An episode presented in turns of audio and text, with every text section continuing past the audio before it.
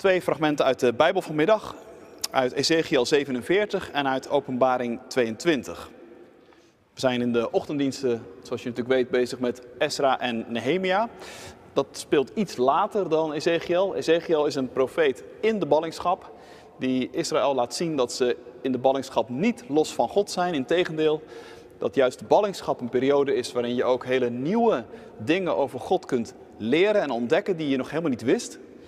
Ehm, en een van de latere hoofdstukken in het Bijbelboek Ezekiel gaat dus over de manier waarop God terugkomt naar zijn volk en er een nieuw begin mee maakt. En het beeld dat Ezekiel ziet in zijn visioen is het beeld van de tempel. Het is een heel lang visioen eigenlijk en we vallen nu in het tweede stuk. Hij heeft dus al een tempel gezien en nu gaat er vanuit die tempel iets stromen. En de man die Ezekiel dit alles laat zien, die, uh, ja, die treedt op als een soort hemelse gids, zou je kunnen zeggen. Ezekiel 47, vers 1 tot en met 12. Toen bracht de man mij terug naar de ingang van de tempel. Daar zag ik water onder de drempel van de tempel vandaan komen. Het stroomde naar het oosten, want de voorkant van de tempel lag op het oosten. Het water liep van onder de rechter buitenmuur van de tempel ten zuiden van het altaar naar beneden. Hij nam mij door de Noordpoort mee naar buiten. En we liepen buitenom naar de oostelijke buitenpoort. Daar zag ik het water aan de rechterkant eruit sijpelen. Met een meetlint in zijn hand ging de man naar het oosten en hij mat duizend el. En daar liet hij mij door het water waden. Het water kwam tot mijn enkels. Hij mat nog eens duizend el en liet me weer door het water waden. Het water kwam tot mijn knieën. Hij mat nog eens duizend el en liet me er weer doorwaden. En het water kwam tot mijn heupen. Hij mat nog eens duizend el en toen was het water een rivier waar ik niet doorheen kon waden.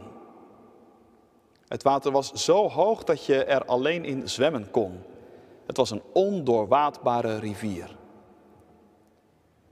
De man zei tegen mij: Zie je dat, mensenkind? En hij liet mij terugkomen op de oever van de rivier. Toen ik weer terug was, zag ik op de oevers van de rivier aan weerskanten heel veel bomen.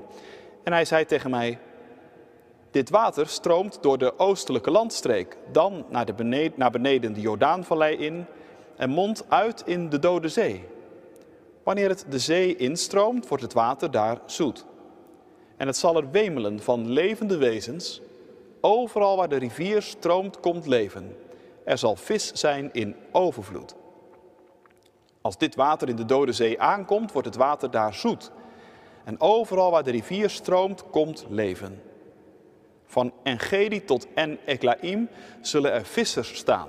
En er zullen droogplaatsen voor de netten zijn. Er zullen net zoveel soorten vis zijn als in de grote zee. Alleen de moerassen en de poelen worden niet zoet, die blijven vol staan met zoutwater. Aan de oevers van de rivier zullen allerlei vruchtbomen opkomen, waarvan de bladeren niet zullen verwelken en de vruchten niet zullen opraken. Elke maand zullen ze vrucht dragen. Het water stroomt immers uit het heiligdom. De vruchten zullen eetbaar zijn en de bladeren geneeskrachtig. Tot zover de eerste lezing. Tweede lezing uit het Bijbelboek Openbaring, waar de apostel Johannes precies dit beeld opneemt in zijn visioen van het hemelse Jeruzalem. Hij liet me een rivier zien met water dat leven geeft. De rivier was helder als kristal en ontsprong aan de troon van God en van het Lam. In het midden van het plein van de stad en aan weerskanten van de rivier stond een levensboom die twaalf vruchten gaf, elke maand zijn eigen vrucht. De bladeren van de boom brachten de volken genezing. Er zal niets meer zijn waarop nog een vloek rust. De troon van God en van het Lam zal daar in de stad staan. Zijn dienaren zullen hem vereren en hem met eigen ogen zien, en zijn naam staat op hun voorhoofd. Het zal er geen nacht meer zijn en het licht van een lamp of het licht van de zon hebben zij niet nodig, want God de Heer zal hun licht zijn en zij zullen als koningen heersen tot in eeuwigheid. Toen zei hij tegen mij: Wat hier gezegd is, is betrouwbaar en waar. De Heer, de God die profeten bezielt, heeft zijn engel gestuurd om aan zijn dienaren te laten zien wat er binnenkort gebeuren moet. Ik kom spoedig. Gelukkig is wie zich houdt aan de profetie van dit boek. Tot zover de lezing. Dit is vanmiddag het woord van God voor jou, voor u, voor mij. Gelukkig zijn we als we het woord van God horen, dat bewaren in ons hart en daar ons vertrouwen op stellen. Halleluja. Amen. Gemeente van Christus, hier of waar je ook met ons verbonden bent, wij gaan zwemmen vanmiddag. Zwemmen met Ezekiel op de golven van Gods geest. En dat is vrij bijzonder, want zwemmende mensen kom je in de Bijbel niet veel tegen. En als je ze al tegenkomt, dan is de aanleiding meestal niet zo positief en gaat het niet vrijwillig. Denk aan Jona, die in de golven ten onder gaat. Denk aan Paulus als hij schipbreuk leidt en ter nauwe nood zwemmend een eiland bereikt.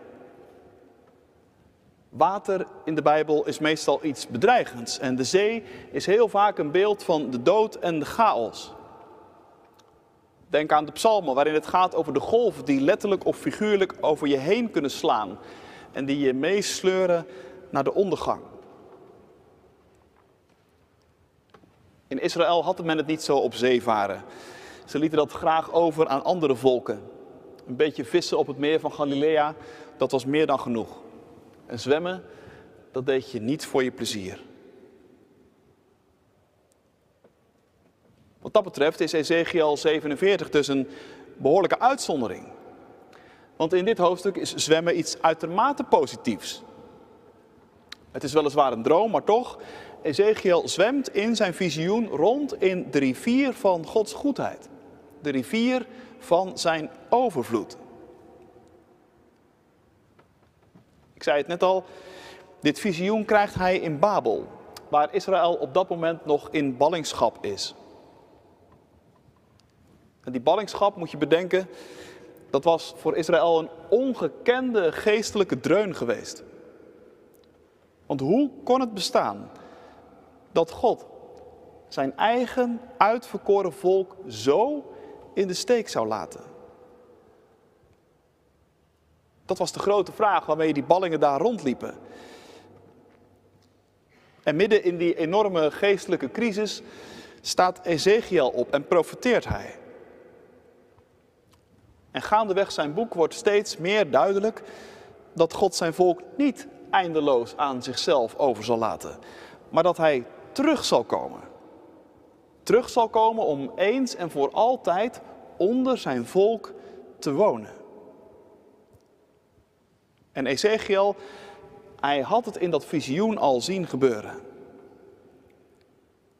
In zijn droom zag hij God terugkomen in zijn tempel. Dat is het hoofdstuk hiervoor. In een verschijning van wolken en vuur. En hij merkte hoe Gods majesteit dat hele tempelcomplex vulde. En hoe zijn lange, lange wachten daarop werd beloond. Maar daarmee is het grote tempelvisioen nog niet afgelopen. De hemelse gids heeft Ezekiel nog meer laten zien en daar focussen we vanmiddag op. Hij neemt hem mee naar een van de poorten van de tempel en hij zegt: Kijk, mensenkind, zie je dat nou? En Ezekiel kijkt en hij ziet het warempel, het zijpelt water onder de deur van de tempel uit. Het is maar een klein stroompje. Je zou het haast over het hoofd zien. Maar veel tijd om er echt over na te denken is er niet. De gids neemt grote stappen hij heeft zijn duimstok tevoorschijn gehaald en meet ongeveer 500 meter, 1000 L. Het stroompje is ongeveer wat breder geworden en toch ook wat dieper. Je kunt het nu niet meer over het hoofd zien. En de gids, de gids lijkt een beetje op een docent die ervan houdt om zijn kinderen zelf wat te laten ontdekken. Die niet alleen maar vertelt vanuit een boekje hoe het zit, maar ook graag helpt om proeven, te proeven, te voelen, te ruiken en te ontdekken. Want, zegt hij, Wil je weten hoe diep het water is, Ezekiel? Loop er dan eens doorheen. En Ezekiel, hij doet het. En het water, merkt hij, komt tot zijn enkels. Daar gaat de gids alweer verder. Weer 500 meter en weer staan ze stil. Toen maar, Ezekiel, ga nog maar een keer. En het water is inmiddels een serieuze beek geworden. Het klopt tegen zijn knieën. En na weer 500 meter hetzelfde verhaal. Ga er maar weer doorheen, Ezekiel. En nu is het toch echt menens. Het water staat inmiddels tot zijn middel. Toe, Ezekiel, nog een keer, zegt de gids na 500 meter. Maar nu aarzelt Ezekiel. Hij blijft toch iemand van Israël. Zwemmen is niet echt een hobby. Dit wordt te gek. Het stroompje dat zo klein begon is inmiddels een serieuze rivier geworden. En Ezekiel durft niet. Maar de gids, de gids neemt hem mee en samen gaan ze al zwemmend in het rond. En als ze weer op de kant staan, wijst de gids op de bomen. Heb je het al gezien in Ezekiel? Langs deze rivier. Massa's bomen, groen en fris. Zoals uh, half juni in een prachtig voorjaar. Dat is nou het effect van deze rivier, zegt de gids. Overal waar het water komt, daar brengt het leven. Er gaan bomen groeien, er schiet gras op, er komen vruchten en er komt zelfs vis. En zelfs de dode zee, Ezekiel, waar deze rivier uiteindelijk uitkomt, dat zal een vruchtbare plek worden.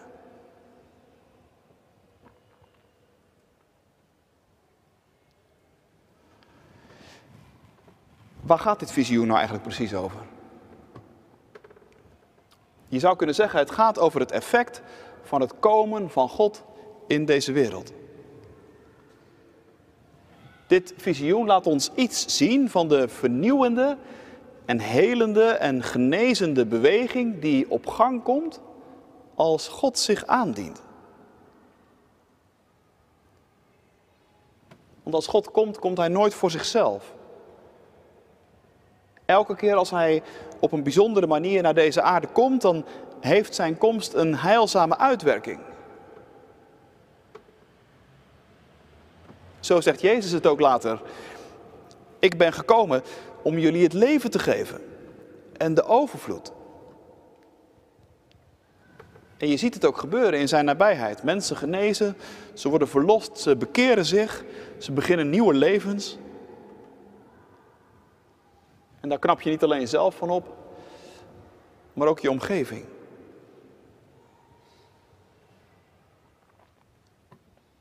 Dat is dus waar dit visioen ons brengen wil. God komt niet voor zichzelf. Hij komt, zegt de geloofsbelijdenis, om ons en om onze redding.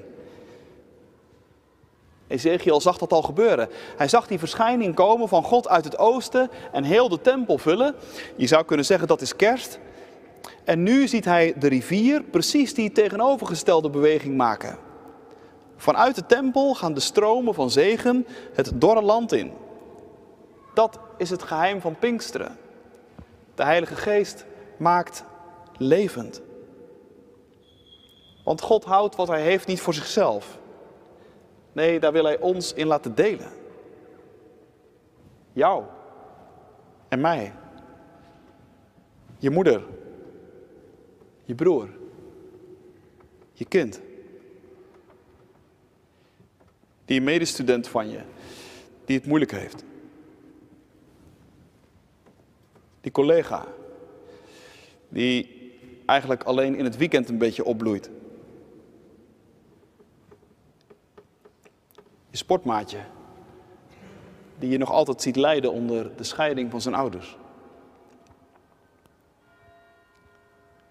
Mensen worden uitgenodigd om te zwemmen in de rivier van Gods goedheid uitgenodigd om zich door zijn genezende en helende aanwezigheid te laten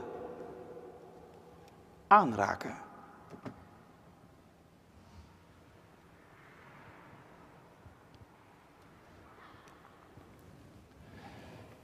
Dit visioen stelt overigens ook wel een vraag aan ons. Want hoe zit dat eigenlijk bij jezelf?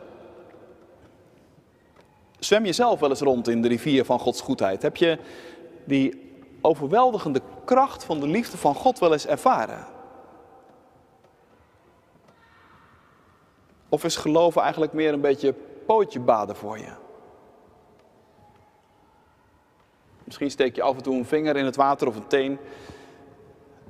Laat je het water hooguit tot je enkels komen, maar verder, verder laat je je liever niet meenemen.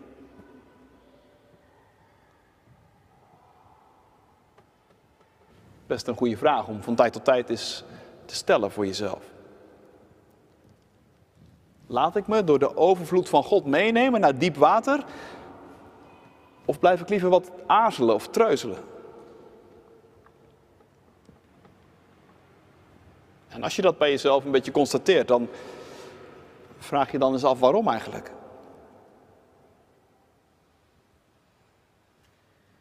Durf je niet misschien? Is er iets in je leven dat zegt niet doen, niet voor jou?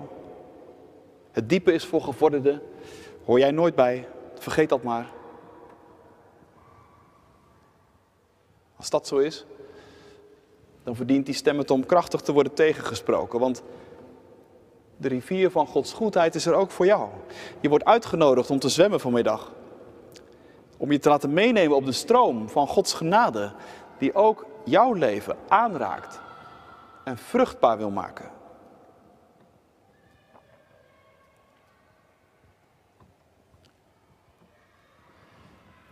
Kan ook zijn dat er iets anders is dat je doet aarzelen. Niet zozeer de vraag of je wel mag springen, maar de vraag of je dat eigenlijk wel wilt. Want gelovig pootje baden heeft ook wel iets veiligs. Kan je ergens het idee geven dat je christen kunt zijn en toch ondertussen nog min of meer jezelf kunt blijven.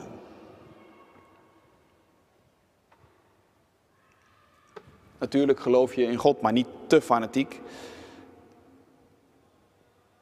Natuurlijk doe je er geregeld wat aan, maar ook weer niet te veel, kom.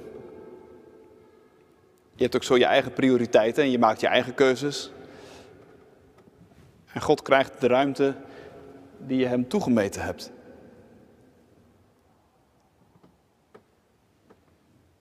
En als het wat te dichtbij komt, dan reageer je misschien wel wat stekelig en af, afwerend.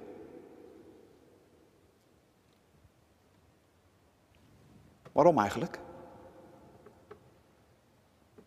Zie je dan niet dat God veel meer van zijn liefde en zijn goedheid met je delen wil dan een miserig afgepast stroompje?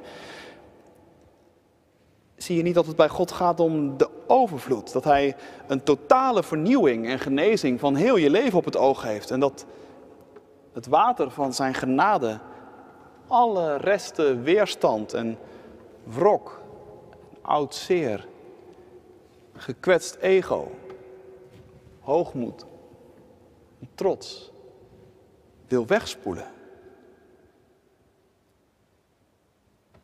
Zie je dan niet dat je pas echt gaat leven als je je mee laat nemen op de golven van de genade en ook echt een keer kopje ondergaat in Gods goedheid?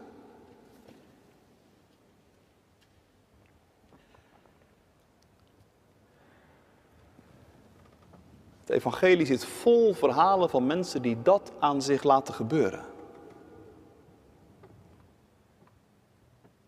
Aan zich laten gebeuren. Zeg ik expres zo. Want dat is eigenlijk geloven. Je laten meenemen op de golven van Gods geest, die Heer is en levend maakt, op de golven van zijn overvloed. Ga mee. Waarom zou je langer aarzelen?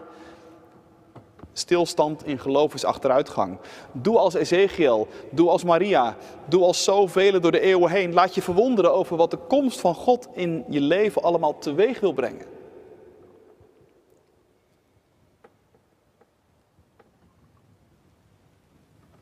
En wat is dat dan allemaal, zeg je? Nou, ook daar krijgt Ezekiel het nodige over te zien en te horen. Want, zegt de hemelse gids, deze rivier die stroomt alsmaar verder en verder. tot hij uiteindelijk in de Dode Zee zal uitkomen. En je weet ongetwijfeld, dat is het laagste punt op deze aarde, bijna 400 meter onder de zeespiegel. Vroeger, zegt de Bijbel, lagen daar Sodom en Gomorra en nu groeit er niks meer. Maar Ezekiel krijgt te horen dat dat veranderen zal. Dat er groei en bloei zullen komen, zelfs tot op de meest dorre plaatsen. Bomen met vruchten, altijd groene bladeren met geneeskrachtige werking. En het water, nu nog zouter dan zout, zal gezond worden. Er zal weer gevist kunnen worden. Niet zomaar mondjesmaat, maar meer dan overvloedig.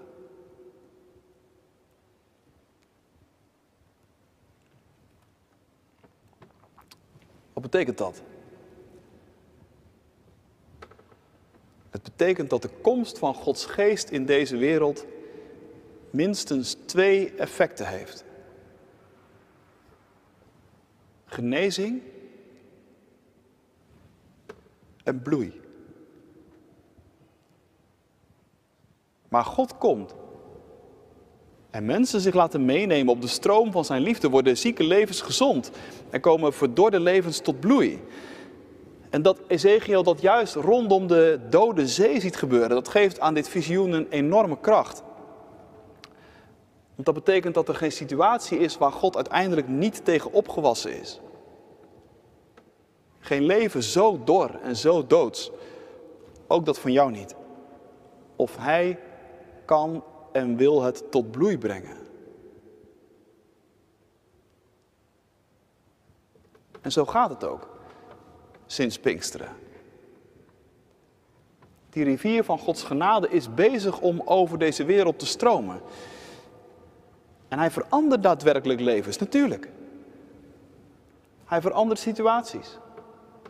Hij verandert ook culturen. Langzaamaan beginnen ze te bloeien en te groeien en te genezen.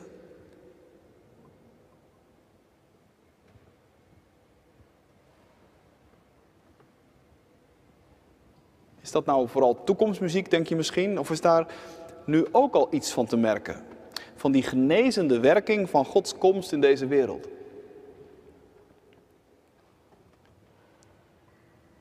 Je hebt misschien de neiging om in tijden waarin wij leven, tijden toch wel van, van teruggang. En tijden waarin je niet het idee hebt dat het christelijk geloof in Europa nu echt zo enorm een opbloeiperiode uh, beleeft. Maar dat is denk ik toch maar de helft van het verhaal. Er zijn veel plekken waar Gods geest op dit moment bijzonder krachtig aan het werk is. Waar wij soms amper idee van hebben. En laten we vooral ook de kleine momenten in onze eigen levens en in onze eigen omgeving niet onderschatten. Ook vandaag raakt de geest van God mensen aan. Vernieuwt hij levens, absoluut. Houdt hij ons gaande. Alleen het feit dat we hier zijn, zegt genoeg. Natuurlijk is het wel zo dat er in zo'n visioen verschillende lagen zitten. En dat de definitieve vervulling ervan nog niet bereikt is. Bepaald niet, haast ik me te zeggen. Er is in onze wereld nog ontzettend veel dat schreeuwt om verlossing. Zoveel kapotte levens, gedeukt door verdrietige omstandigheden of door foute keuzes. Zoveel levens die roepen om heling en om genezing. En zoveel schijnbaar vrolijke en zonnige mensen die achter hun blije gezichten ongelooflijke dorheid en doodsheid verbergen.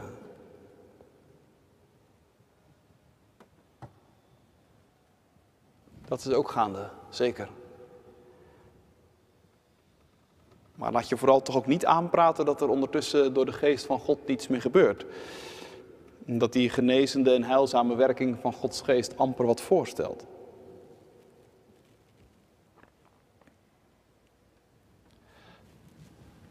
Een van de vele voorrechten van dominee zijn is dat je daar soms met je neus zomaar bovenop gedrukt wordt. Laatst nog vertelde iemand tegen me, ze zei, lange tijd dacht ik dat mijn geloof iets is waar ik eigenlijk verantwoordelijk voor ben. Ik had sterk de indruk dat ik het gaande moest houden. Dat ik het kwalitatief op peil moest houden. En het frustreerde me eigenlijk mateloos dat dat zo moeilijk lukte. Het schiep afstand. Het blokkeerde mijn denken en mijn voelen. Eigenlijk alles. Maar kort geleden heb ik ontdekt dat het in geloof eigenlijk precies omgekeerd is.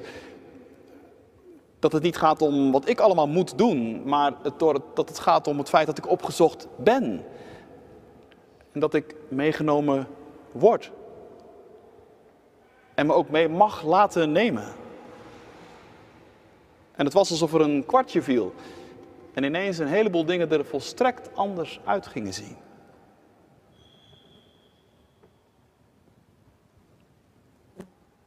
Ik denk eerlijk gezegd dat met die ontdekking elke vernieuwing begint. Telkens weer opnieuw. Als je merkt dat niet jij draagt, maar dat je in de eerste plaats gedragen wordt. En dat er golven zijn, een beweging onder jouw leven die je meenemen. Waarin je mag zwemmen. Dan krijgt God steeds meer nieuwe betekenis voor je. En ga je om je, om je heen ook steeds meer van zijn aanwezigheid zien.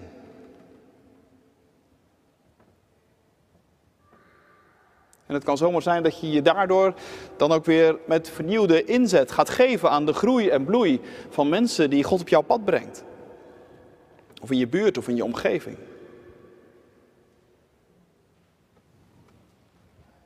Dat je tegelijkertijd steeds meer pijn gaat voelen over al die plekken en momenten en mensen die nog wachten op de stroom van Gods genade totdat hij ook hen bereikt, aanraakt en heelt. En je kunt daar niet meer zo onverschillig van wegkijken. Dat gaat in de beweging van God, van zijn geest, die Heer is en levend maakt, samen op. Die twee dingen. En het kan niet anders, denk ik, of er wordt een steeds brandende verlangen in je wakker een heimwee dat niet te stuiten is naar de toekomst van God. Zonder nacht, zonder pijn. Naar de toekomst van God, die voorgesteld wordt in het Bijbelboek Openbaring als een stad. Waar de rivier van levend water doorheen stroomt. En daarom, kom, scheppergeest. Vernieuw mijn hart. Vernieuw mijn leven. Vernieuw deze wereld. En breng haar naar uw toekomst. Amen.